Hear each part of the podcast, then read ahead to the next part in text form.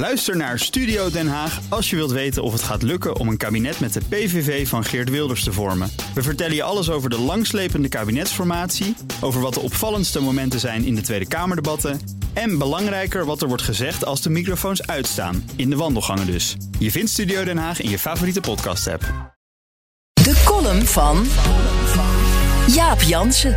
Deze week sprak ik oud-informateur Herman Tjenk Willink. Hij heeft grote zorgen over de lange duur van de kabinetsformatie. De kiezers maakten op 17 maart twee meerderheidsvarianten mogelijk, zegt hij. Voortzetting van de oude coalitie met de ChristenUnie of een combinatie met Partij van de Arbeid en GroenLinks. Fijntjes zegt Cenk Willink daarover dat partijen daar nu niet uit kunnen kiezen, is iets anders dan we hebben ze beide geblokkeerd.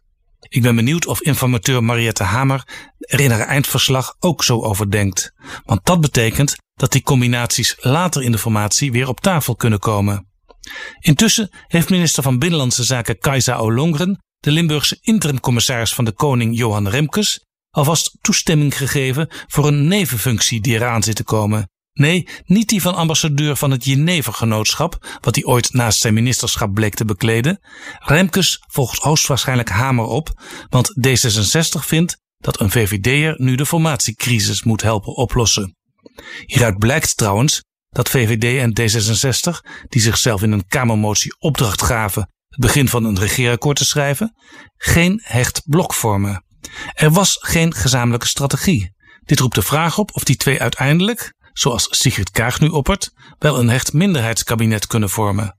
En dan nog, hoe ver kom je met 58 zetels in een Kamer van 150, waar de flanken luidruchtig zijn en Partij van de Arbeid en GroenLinks mokken over hun afgewezen liefde? Toch heeft Johan Remkes wel vertrouwen in een minderheidskabinet. In zijn rapport over revitalisering van de democratie wijst hij erop dat Nederland sinds 2010 in feite steeds al minderheidskabinetten heeft, waarbij kamerfracties van heel verschillende kleur steun verlenen.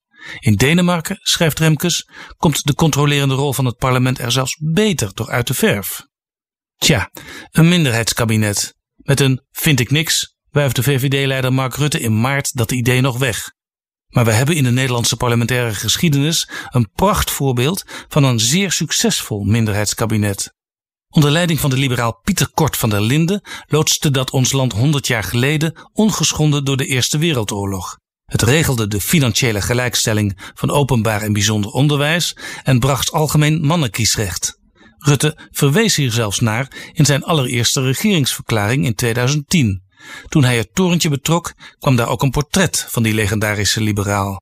Het is zelfs groter dan dat van de grondwetgever Thorbecke. En als één iemand dat is opgevallen, is het Johan Remkes, die in zijn democratierapport het kabinet Kort van der Linden bepaald succesvol noemt. Zet de jenever maar vast koud.